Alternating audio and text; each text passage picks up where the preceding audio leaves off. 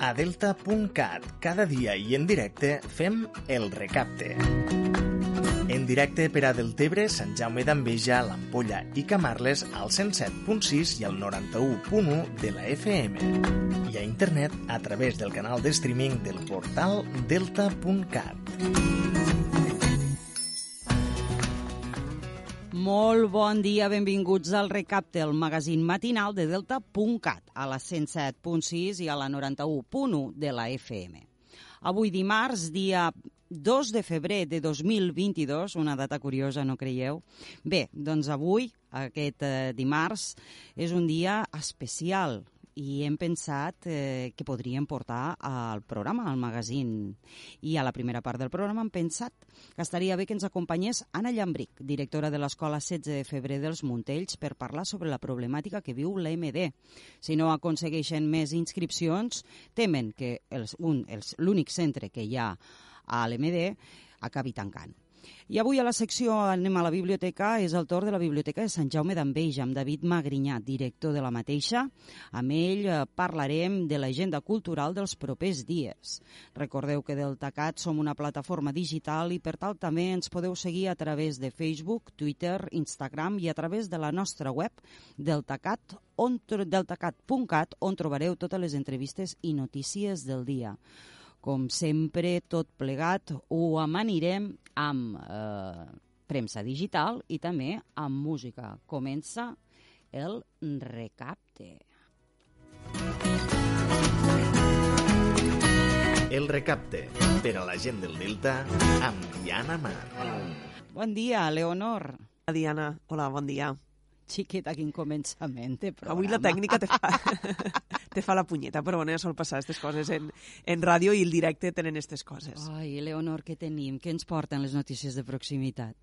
Mira, doncs avui comencem destacant que la platja de la Marquesa de Deltebre se podria preservar amb una inversió de 15 milions d'euros. Esta és la quantitat que estima la taula de consens del Delta i que calculen que seria necessària per aturar la regressió de la zona. La intervenció per a aconseguir-ho consistiria en ampliar la línia litoral en 150 metres d'amplada amb la mobilització d'uns 2 o 3 milions de metres cúbics d'arena.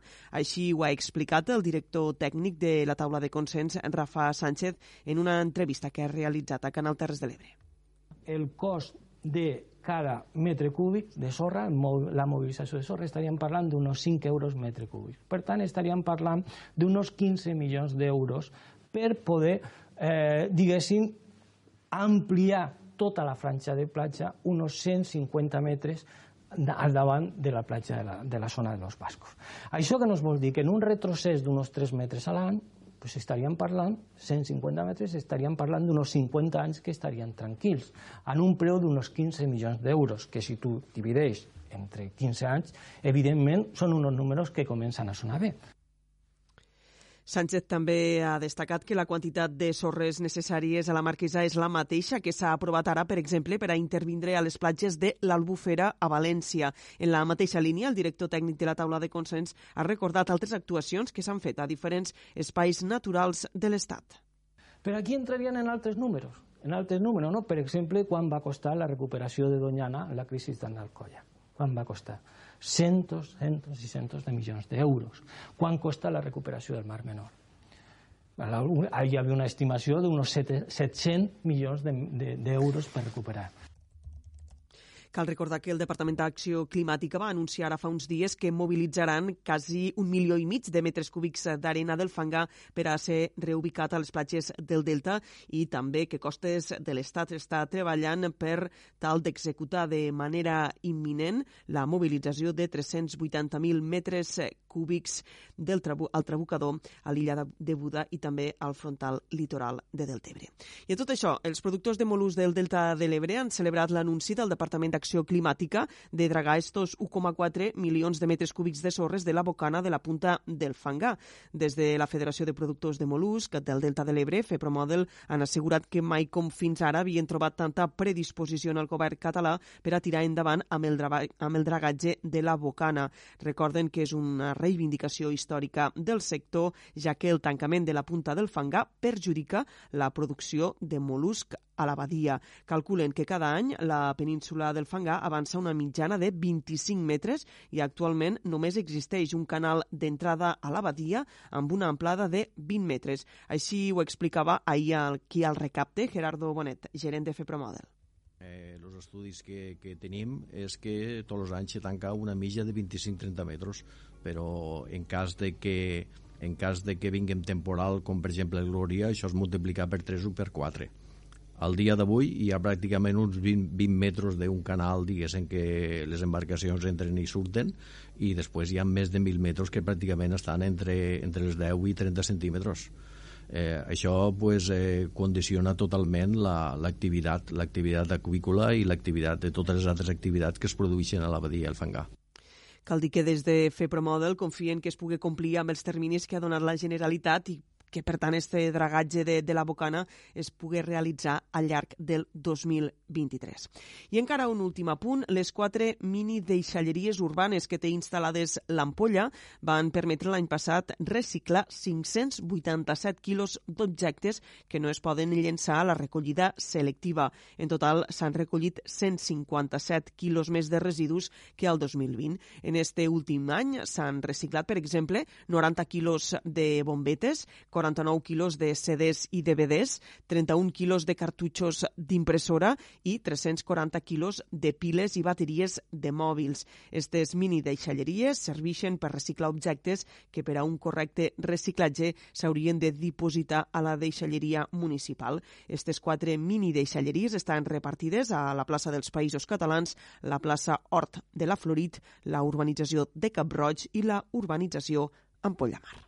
Moltíssimes gràcies, Leonor. Eh, aquesta última notícia sé que t'agrada especialment. Sí. Leonor és una afèrrima del Defensora reciclatge. reciclatge, sí. Sí, senyora. I ara anem a veure què ens porta Carme Farnell del temps. Casa Nicanor t'acompanya en els teus bons moments per esmorzar, dinar, sopar, berenar o amb un bon cafè. Casa Nicanor t'ofereix el temps.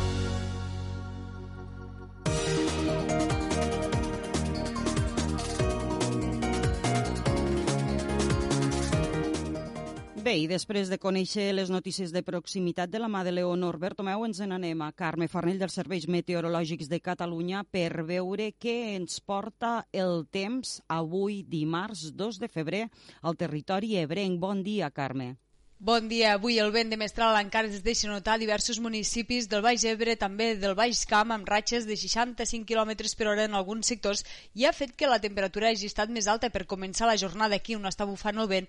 La temperatura es mou entre els 10 i 13 graus. En canvi, cap a l'interior no és que faci molt fred, però sí que tenim valors de 5 i 6 graus, i és que aquí el vent està més encalmat. Tot i això, s'espera que en aquesta zona registrem la temperatura més alta del dia i de tot Catalunya i que es pugui arribar fins als 20 i 21 graus a causa de que avui s'espera molt bon temps, ha de fer sol, potser hi ha alguna pinzellada d'algun núvol, però en conjunt dominarà l'estabilitat i el vent, a més, tendirà a afluixar a mesura que avanci la jornada. Això és tot des del Servei Meteorològic de Catalunya. Doncs moltíssimes gràcies, Carme, per la teva informació. El temps amb els bons moments de Casa Nicanor.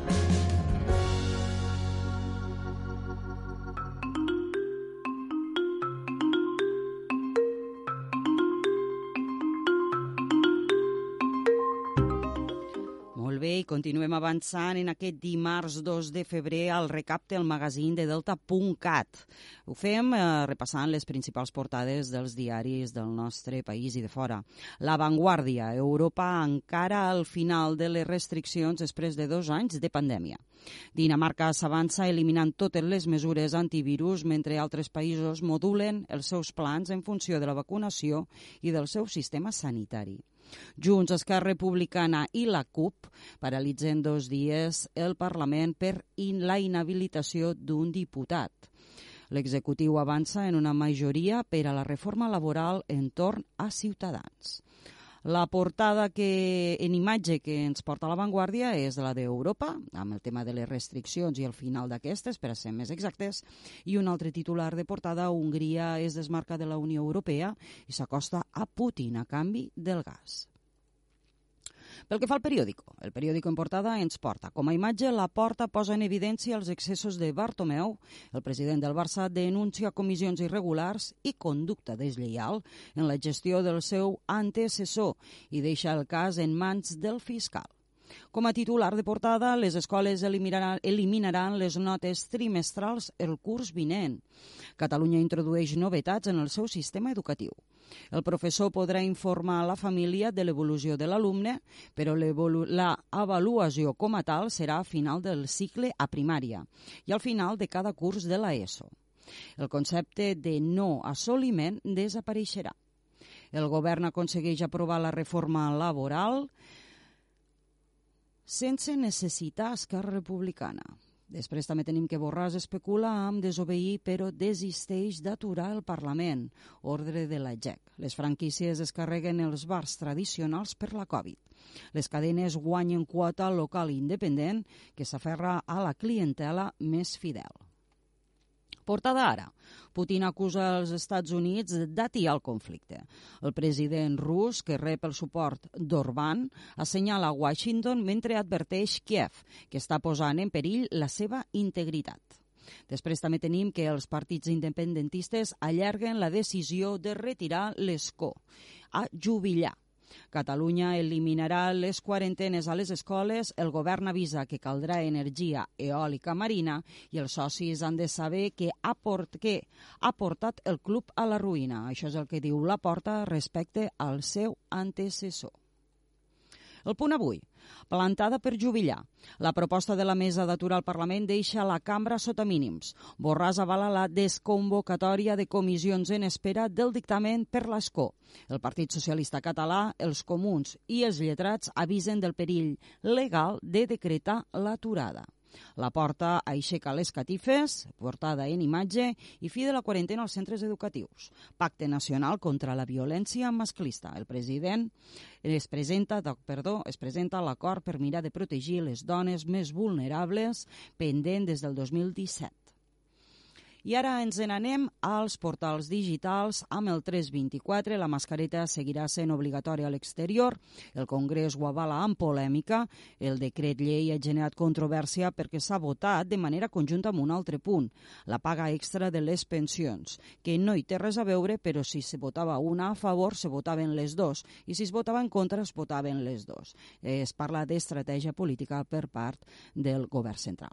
Dinamarca, primer país de la Unió Europea que elimina totes les restriccions i el govern aposta per eliminar les quarantenes als centres educatius aquest mes.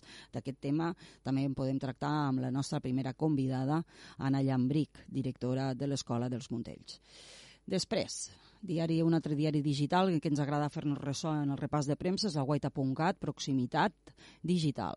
Els bombers donen per controlat l'incendi d'una indústria d'esmal a Tortosa. El foc havia obligat a activar l'alerta del Plascat i l'ampolla recull prop de 600 quilos de residus amb quatre mini deixalleries urbanes, ens ho comentava la nostra companya Leonor al repàs de l'inici del recapte. S'entreguen els premis de l'oli de la vintena edició de la Fira Intercomarcal de l'Oli a Mora la Nova. La pregonera de la FIO 2022, Gesamí Caramés, va inaugurar la fira amb un discurs que destacava la importància de donar a conèixer i valorar el producte de qualitat i de proximitat. Una altra notícia, Meritxell Roger reivindica Junts per Tortosa com l'únic partit genuïnament tortosí. La nova imatge del principal partit de la ciutat destaca Tortosa com a eix principal, reforçant el, tor el tortosinisme i la identitat de territori. I tanquem el repàs amb el portal digital Imagina Ràdio, que ens parla també de l'incendi de la indústria de Tortosa, que activa el pla d'alerta, els Mossos publiquen el vídeo de l'explosió de les 11 granades trobades a Caseres. En marxa a les Terres de l'Ebre el Servei Públic de Cangur de Menors i el Senat fa un minut de silenci en record al senador gandesà Miquel Aubà. Aquest ha estat el repàs de premsa i ara ens n'anem a uns minutets de música i iniciem la nostra roda d'entrevistes. L'Alibaba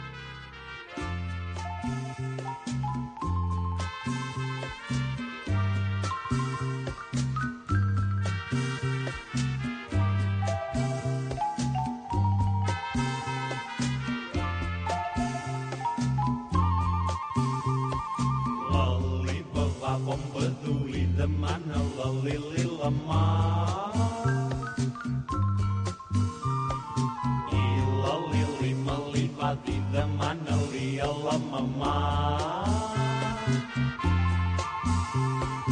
El beduí no va badar i va deduir m'he de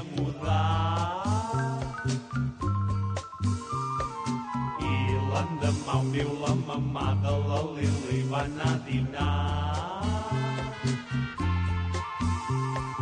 L'amanida li van donar, l'avi Manel li va amanir. L'avi Manel, home bon avi de la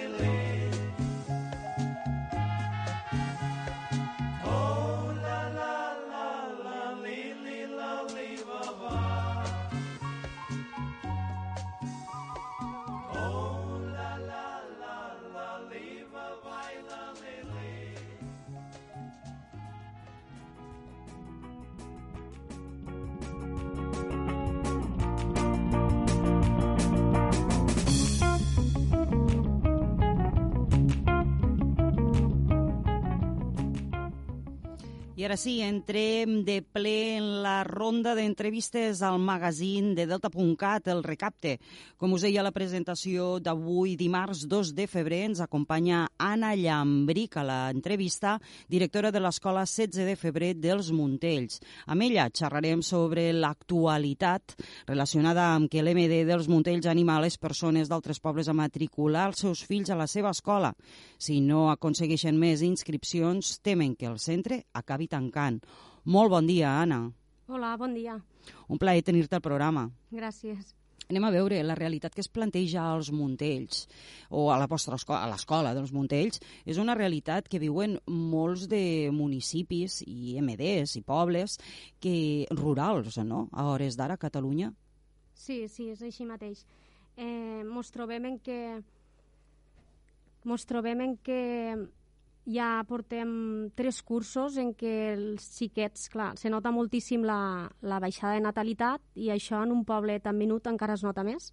I portem tres cursos en què mos entren pocs xiquets i mos estan sortint molts xiquets cap a l'institut, mm, quatre xiquets, tres cada curs, i només m'on entren pues, estos darrers cursos, eh, el 2019-20 només mos va entrar un xiquet, el 2021 també, i enguany encara hem tingut sort i han entrat tres xiquets, però l'expectativa no és massa bona perquè de cara al setembre que ve no hi ha cap xiquet que va néixer el 2019, per tant no tindrem xiquets a P3, i el el 2020 estem igual, és a dir, el pròxim setembre també no hi ha, no hi ha xiquets als Montells. Anem a veure, es parla de que s'hauria, si la situació es mantingués, s'acabaria tancant l'escola, però teniu alguna previsió de que això al final no acabés sent així? Teniu algun, alguna, alguna solució preparada?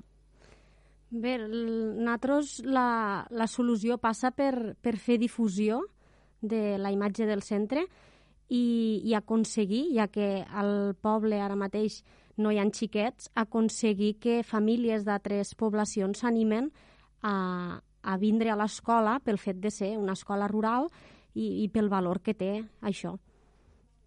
Quines característiques reuneix o què, la, què és la diferència de la resta a una escola rural?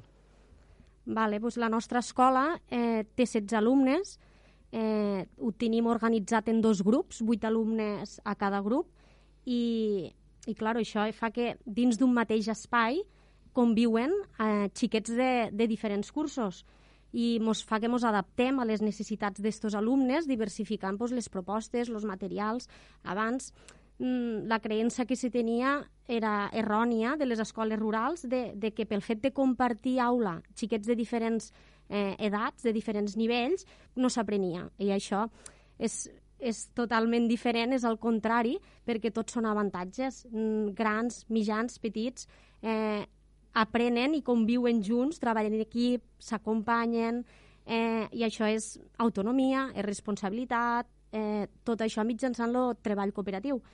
A més a més, una atenció personalitzada, que això en una escola convencional és molt difícil. Mm, gran part de l'horari lectiu, estos xiquets, estem parlant de xiquets que ja són vuit a l'aula, gran part de l'horari lectiu hi han dos mestres dins l'aula. L'atenció és individualitzada totalment. I la, la major atenció a la diversitat.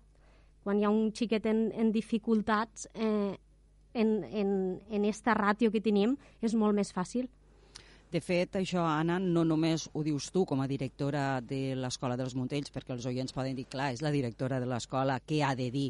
Doncs no, això que dius tu ho avala, sense anar més lluny, el Departament d'Educació de la Generalitat de Catalunya, que a través d'un estudi que realitza cada cert temps, comenta doncs, que el funcionament del tipus d'escola, com és la dels Montells, dona un seguit d'avantatges als alumnes pel fet de ser menys i poder gaudir d'una atenció diguéssim, més personalitzada, que és el que comentaves.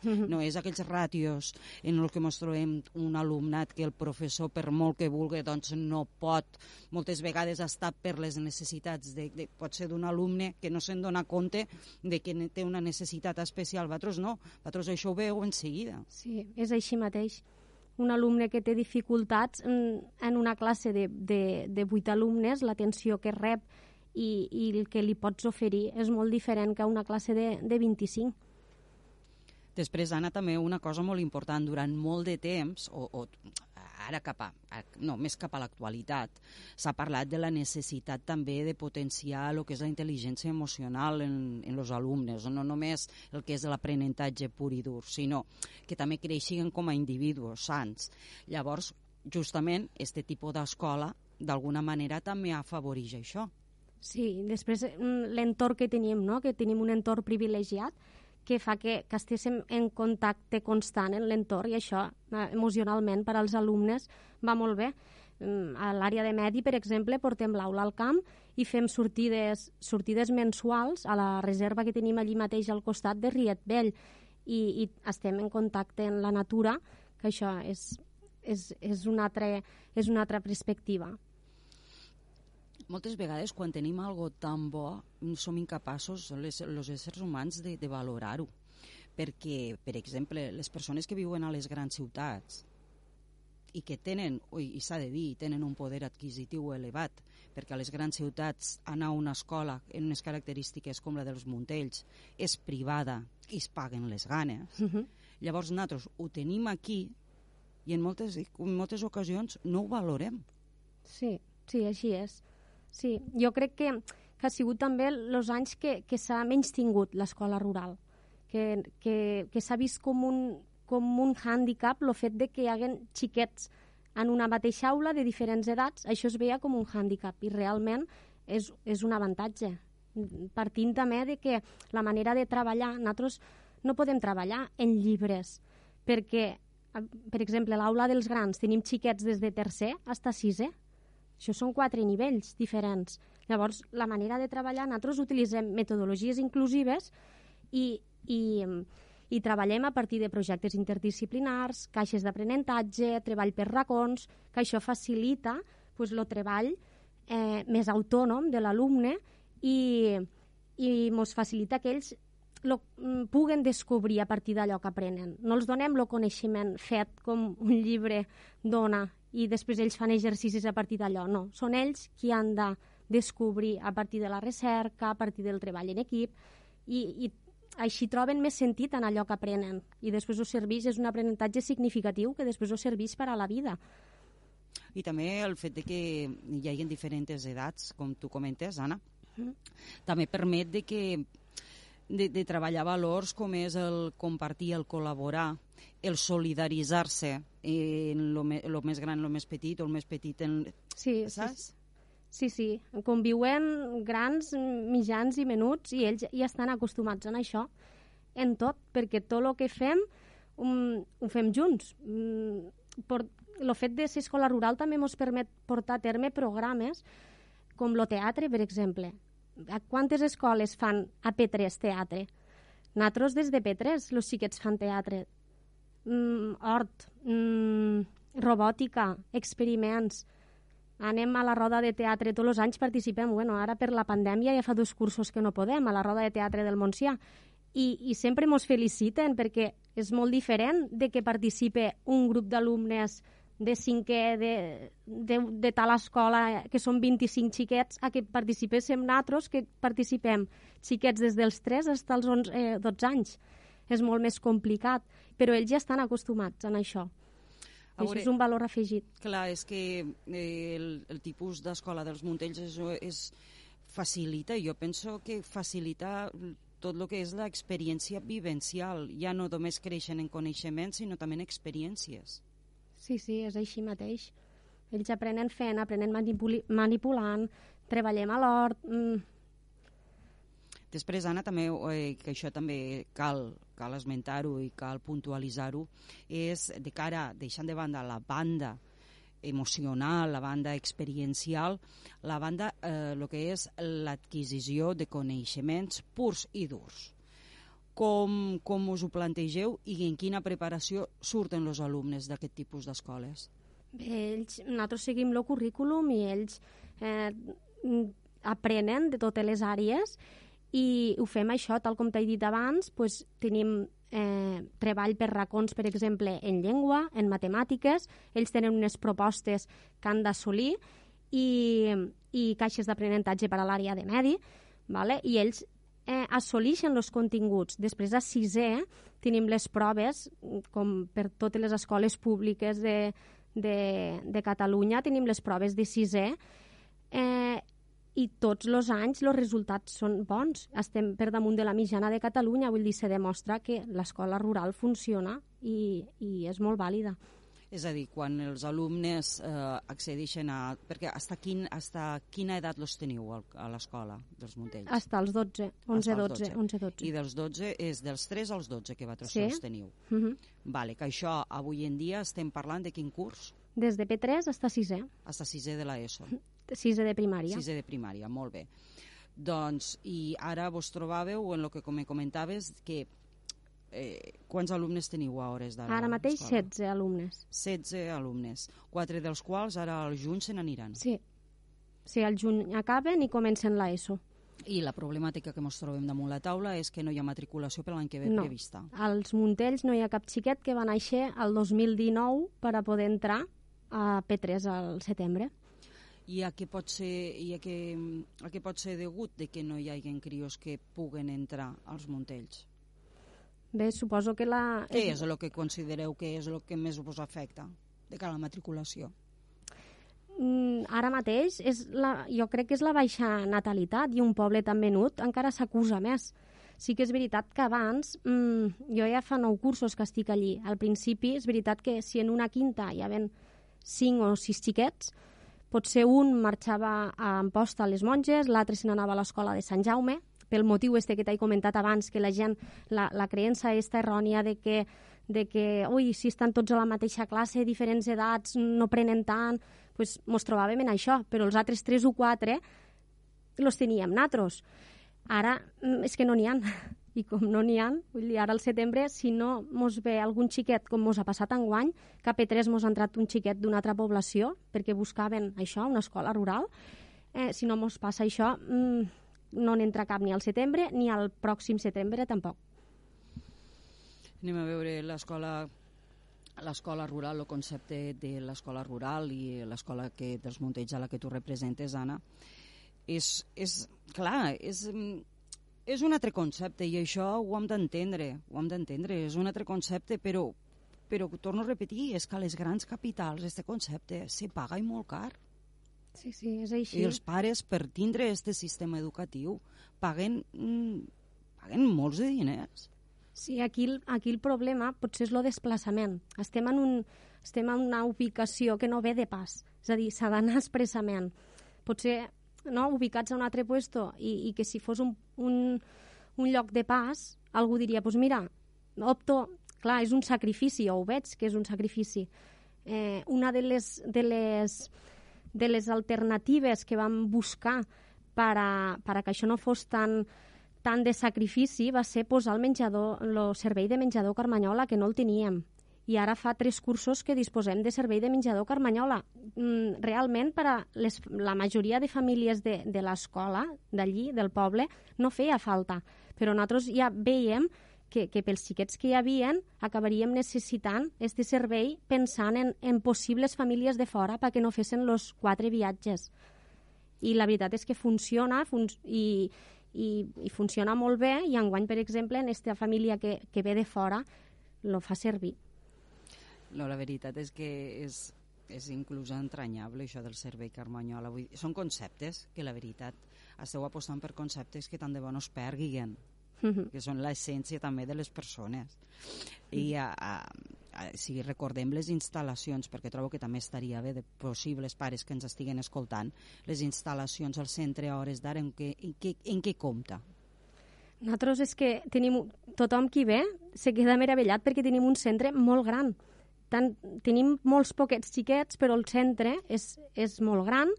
Eh, damunt ho tenim, no tenim res davant, tenim, estem envoltats d'arrossars, les vistes, le, tot de finestrals, mos entra una llum, és que és, de veritat, és un privilegi. Jo com a mestra treballo allí i els xiquets eh, estem, estem molt bé. I, de, I, a més a més, disposem d'un gimnàs. Moltes escoles de gimnàs no en tenen. Nosaltres tenim un gimnàs, tenim una aula d'informàtica, tenim una aula de música, eh, disposem d'una biblioteca, L'hort. l'hort, tenim dos patis, eh, molt bé. Anem a veure, per a tots aquells pares i mares que, doncs, pel que sigui, escoltin la nostra entrevista i els hi surti que doncs, conèixer el centre i per què no poder matricular sons fills de cara al curs vinent, què haurien de fer? Mira, nosaltres ens estàvem plantejant fer una jornada de portes obertes i justament ens esperàvem perquè el departament va dir que ens comunicaria pel tema de la pandèmia si se podria fer i esta setmana ha sortit que, que sí, que han decidit mantindre les jornades de portes obertes en les mesures de, de, De prevenció sí. que ja estem acostumats, però que les mantenen i les jornades nosaltres les farem a l'escola del 21 al 25 de febrer. Del 21 al 25 Sí. de febrer. Eh, els pares i mares s'han d'inscriure a alguna pàgina web o no farà falta? Mm, No farà falta. Posarem un, el nostre número de telèfon a disposició per a que truquen eh, i així podem concertar una cita prèvia. Doncs si et sembla bé, per què no diem el número de telèfon? Sí, i tant. 977 47 90 64.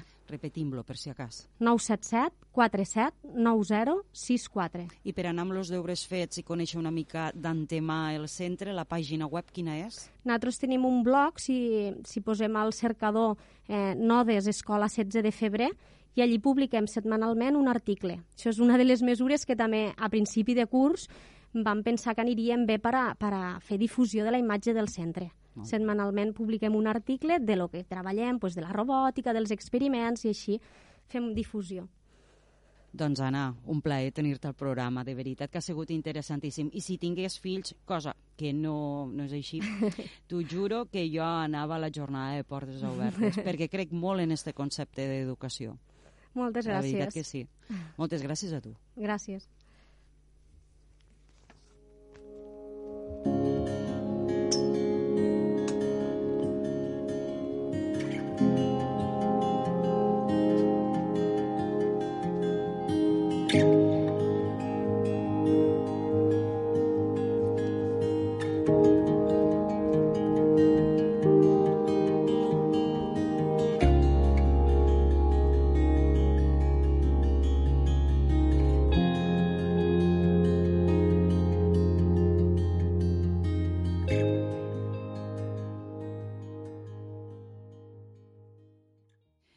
I avui a la secció Anem a la biblioteca és el torn de la Biblioteca de Sant Jaume d'Enveja, amb David Magrinyà, director de la Biblioteca Francesc Balaguer. Repassem l'agenda cultural per als propers dies. Bon dia, David.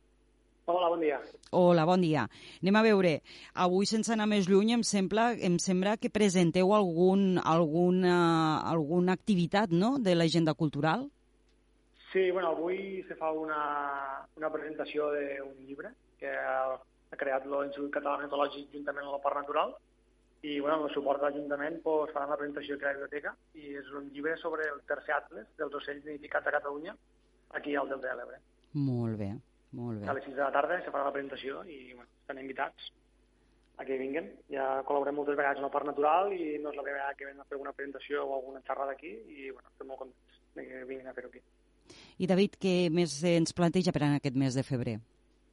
Bueno, doncs este mes eh, han tingut la inauguració d'una exposició, va ser ara, bueno, l'últim dia de, del tram laboral d'este mes de gener, que és una exposició d'un còmics de Jordi Escuin i de Dalmau, que van venir a fer una entrevista, crec, la setmana passada, vull dir que la recomano escoltar perquè està molt ben explicada, el que Jordi explica sobre el còmic.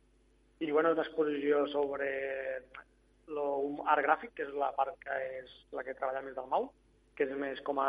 no és un hobby, perquè també se dedica una miqueta a això, però té altres feines. I llavors la part del còmic i el dibuix i tot de Squin, de Jordi Squin. I, bueno, eh, també s'han fet uns tallers. Se'n va fer un d'adolescent, este passat dissabte, i ara este dissabte se'n farà un d'infantil. I, bueno, eh, Jordi Dalmau pues, explicar una miqueta què és el còmic, la forma que, que tenen, les vinyetes, la manera de dibuixar-los, els plans, bueno, les, les onomatopees quan se col·loquen, tot una mica en general sobre el còmic. David, eh, per curiositat, com va anar l'arrencada del taller? Bé, bé, la veritat és que molt bé. Mm, Vull dir, no teníem inscripció, vull dir, no vam voler fer inscripció per a tampoc no obligar la gent. I bé, va respondre bastanta gent. El divendres va ser dissabte matí i divendres van vindre algun, alguns a les 7 de la tarda, que últimament no em digues per què, estan llegint molt de còmic. No sé si són sèries, no sé, no, no em diguis per què. I ens ho vam comentar i van dir, ah, pues sí, vindrem. I la sala estava habilitada per a 10 persones i eren 9, vull dir que realment molt bé. Doncs des del recapte estem molt contents, des de Deltacat també, perquè apostem per la cultura a tope. Sí o no, que vull dir, estem molt agraïts de les difusions, dels programes que feu, ja no sigui a part del programa la Biblioteca, sinó per la resta del programa, i entrevistes que estan es fan als presidents d'entitats, i vull dir que per part nostra també enhorabona per tot el que feu vosaltres. Gràcies, David, però avui la secció, tu ets el protagonista, o millor dit, l'entitat, a la, ai, l'entitat, la institució a la que representes, que és la Biblioteca de Sant Jaume. Anem a veure, a, molt agraïda com a representant de Delta.cat, però anem a centrar-nos a veure l'agenda que tenim, que, a veure com també com us plantegeu les novetats, d'on les traeu i què mos proposeu per a, per a, doncs, per a les properes setmanes. Sí, bueno, ara tenim l'activitat d'esta dissabte, com hem dit, de Jordi del món del taller infantil. I, bueno, després, eh, clar, últimament, al llaure tot el tema del Covid dels dispositius, no s'havia programat cap activitat, sí que abans de Nadal estàvem molt actius, ara havíem parat una miqueta, per, no, per el tema de l'aglomeració i tot això. I, bueno, ara també el dia 25 de febrer, quan s'acabarà l'exposició de, del còmic, que crec que és el 21-22 de febrer, pues, a una altra exposició dins del cercle d'exposicions d'autors locals, la de José Tomàs, que és una exposició de ceràmica. Ja havia exposat alguna vegada aquí a la biblioteca, però bueno, aprofitant que ha fet uns estudis nous i que té nous projectes i noves, nous dissenys per ensenyar, doncs hem cregut convenient de tornar a fer exposició d'ella així variar una miqueta l'oferta d'aquestes exposicions. Algo que m'encurioseix moltíssim és com ho feu. Vosaltres us poseu en contacte amb els artistes de la zona o els artistes parlen amb vosaltres? Sí, bueno, al principi sí que hi havia molta gent que se sabia que, que, fe, que feia, tenia hobbies o que es dedicava, no? Perquè, no sé, han fet de molts tipus. Per exemple, una persona del poble que es dedica a fer guitarres, un luthier, i no ho sabíem, la gent, la veritat. Ens ho van dir i va ser, dins de la cap, potser va ser la manera de dir, bueno, doncs anem a arrencar perquè estem descobrint coses que no, que no, és que no, no puguis ni pensar-ho.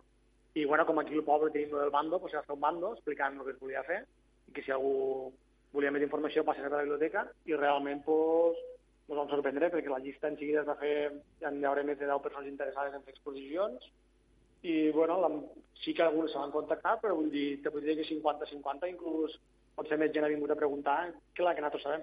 Vull dir que realment sorpresos per això. I, David, eh, de cara a les novetats que podem trobar a nivell de llibres a la biblioteca? Sí, bueno, mira, eh, avui mateix m'han arribat unes novetats que es, que es compren per les subvencions que ens donen de la Generalitat de Catalunya, del Departament de Cultura, que en tenim de, en tres línies diferents. I, bueno, llavors també les compres que es fan des de l'Ajuntament, de la biblioteca, i bueno, ara, per exemple, pues, tenim un llibre que, aprofitant que va ser lo de la marató sobre la salut mental, pues, que, voldríem, que voldria recomanar perquè és lo de se diu La filla d'octubre, d'una autora sueca, anomenada Linda Bostrom, i bueno, tracta una miqueta així sobre el, la seva vida, no? va estar internada en un psiquiàtric i és una, com una autobiografia explicant el que en ella va, li va passar i el que realment no volia perdre perquè li van crear li van fer la teràpia d'electroxoc, bueno, que tots sabem que és una teràpia que no és recomanada, i bueno, pues ella per no, per no perdre o aquesta relació entre l'interior i l'exterior del, del psiquiàtric va començar aquesta biografia que, que crec que pot agradar bastant. I què és el que més vos demanen els lectors?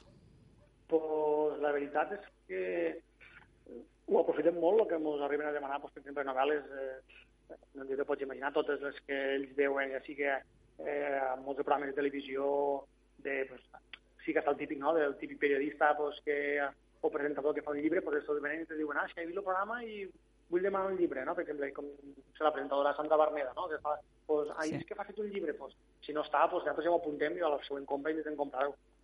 I, bueno, moltes recomanacions que busquem nosaltres, per exemple, des del servei, que ens envien recomanacions tots els mesos, des del catàleg que tenim, i pues, en acabat sí, pues, eh, el que tu dic, no? usuaris que venen i recomanen, i llavors doncs, veus que és una saga, doncs, llavors aprofites i saps que te demanen el primer, doncs ja compres la saga sencera i així està menys maticada.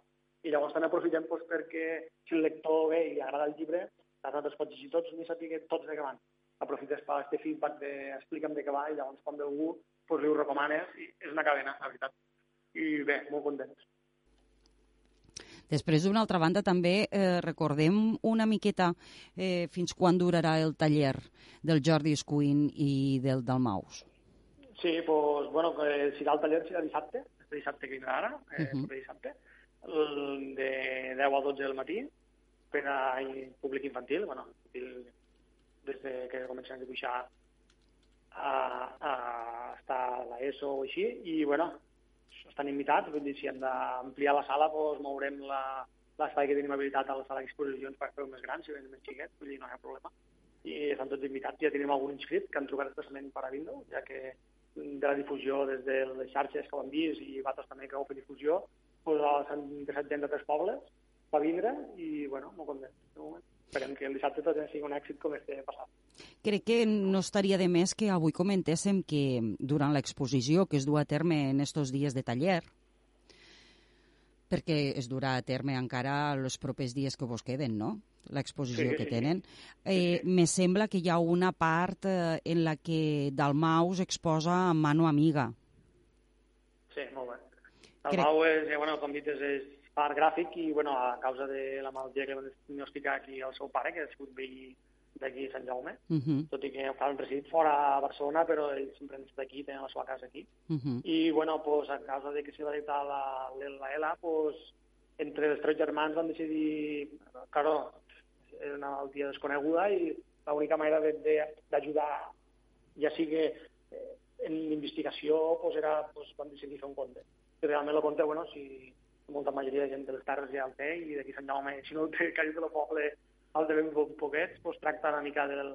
explica la vida del protagonista, que és que és l'Ildefons, que és el seu pare, i bueno, els dissenys i els dibuixos estan fets per l'Armau, els textos per la germana, per la Gemma, i també està pintat pel germà meu.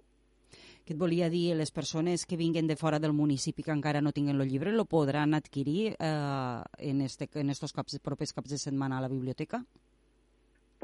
No en tenim, però vull dir, és, és, és una manera molt fàcil, nosaltres podem contactar amb ells i ells sempre en tenen a casa, i si no sempre ajudem a la gent, doncs, per exemple, sabem que per internet se pot comprar, llavors tenen l'opció de rebre la casa o pots anar-lo a buscar directament a la, la zona de recollida és la direcció de casa d'ells d'aquí i, i sí, sí, si algú, algú més interessat, nosaltres sense problema també el podem fer arribar aquí a la biblioteca. D'alguna manera, quina tasca, quina, tas- quina tasca més interessant que dueu a terme des de, des de la Biblioteca de Sant Jaume, David, perquè, a veure, persones que venen demanant-vos llibres que han llegit a algun lloc o que han vist per la tele, després també vosaltres, d'alguna manera, preneu el polze a, a la societat, eh, en este cas del municipi de Sant Jaume, però realment esteu al corrent de, de, de les inquietuds de les persones. Sí, realment sí, perquè també eh, la població, per veure, és una població, és una població petita, llavors tots se coneixen, tots ens coneixem i, per exemple, també ens vam, a part de lo, lo que envolta el món del llibre, la cultura, que és el que realment és el que el 90% de les coses que fem, pues, com va estar tot el tema del certificat Covid de les vacunes i això la gent gran, no? des de casa s'ho podien fer, l'Ajuntament va habilitar la biblioteca per que vinguessin aquí, vull dir, nosaltres no, no tenim cap problema en ajudar la gent, que fem mil coses que són una part de la cultura, sense cap problema. David, què els hi diries als més petits per a que agafessin la lectura com un hàbit? Pues que realment és una manera de- d'enriquir-se ells mateixos, perquè sempre ho he dit, no?, que la lectura és, és, és important, perquè a part de conèixer, imaginar, sempre quan ve algú expert en aquests temes sempre diu que ajuda els xiquets a, a, a, a desenvolupar, a imaginar-se, a somiar, és a dir, endinsar-se dins dels llibres, i pues, realment que, que no és que vinguin i, oh, si no m'agrada llegir, vull dir, se poden recomanar mil llibres, si a ells us agraden llibres de fantasia, els busquen llibres de fantasia, vull dir que no, no els obligarem a llegir llibres si no els agraden, que la biblioteca té llibres dels, dels gustos d'ells, llavors és, una vegada enganxen, enganxen la seguida dels llibres que els agraden, sempre acaben ells mateixos buscant mm, coses noves, perquè és el que ens està passant. Molts comencen, per exemple, ara molt, molt acredit del còmic, molts llegint còmic, però ja veus que, bueno, s'agafen un còmic, però ja s'agafen una novela juvenil, o ja van buscar un altre conte d'una altra manera. Ells mateixos ja veuen que, bueno, pues mira, saps? És una manera de, de, de desenvolupar-se més. Ha sigut un plaer tenir-te avui a la secció d'Anem a la biblioteca, la Biblioteca de Sant Jaume. David, mil gràcies. plaer, Molt bé. Gràcies Adéu. a vosaltres. Adéu, molt bon dia. Adéu. Adéu.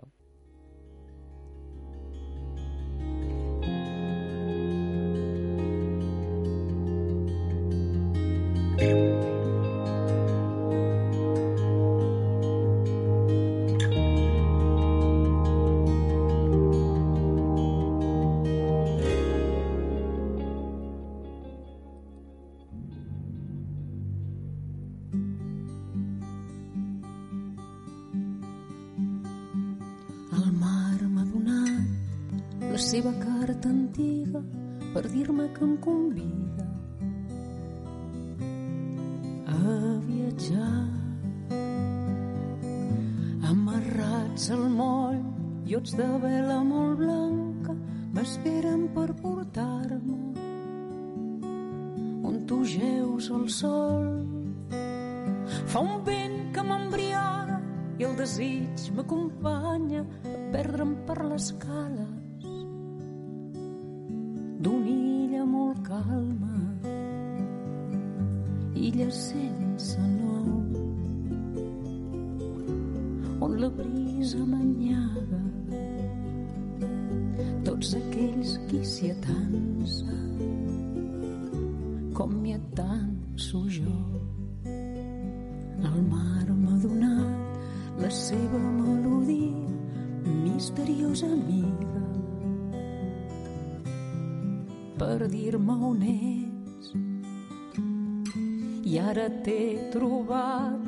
ajagut a l'arena tan fràgil i serena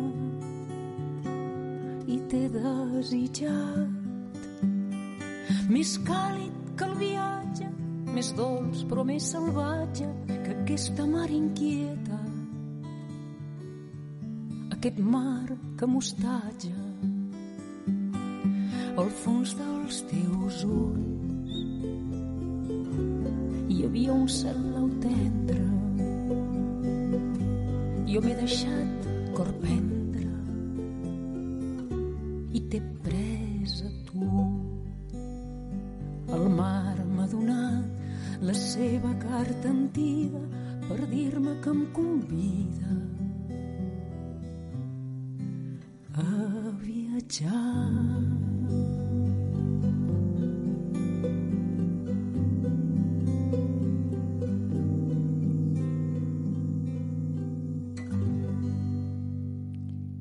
I fins aquí el recapte d'avui dimarts 2 de febrer de 2022. Nosaltres tornarem demà en més coses aquí, al magazín de delta.cat.